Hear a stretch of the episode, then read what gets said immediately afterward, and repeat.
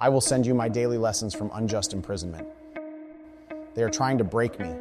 Thrown inside a cell without light, cockroaches, lice, and bedbugs are my only friends at night.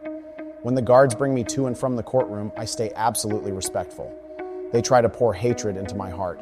But please and thank you stick with me at all times. My prison guards are just performing their job, they have families to feed. In times of hardship, do not forget your manners. They are trying to break my iron mind with unjust imprisonment. My absolute respect for everyone around me is my act of absolute rebellion. They cannot break me. My guards know I am innocent. They know it is unjust. They see I will never break and respect my resolve. Please and thank you stick with me at all times.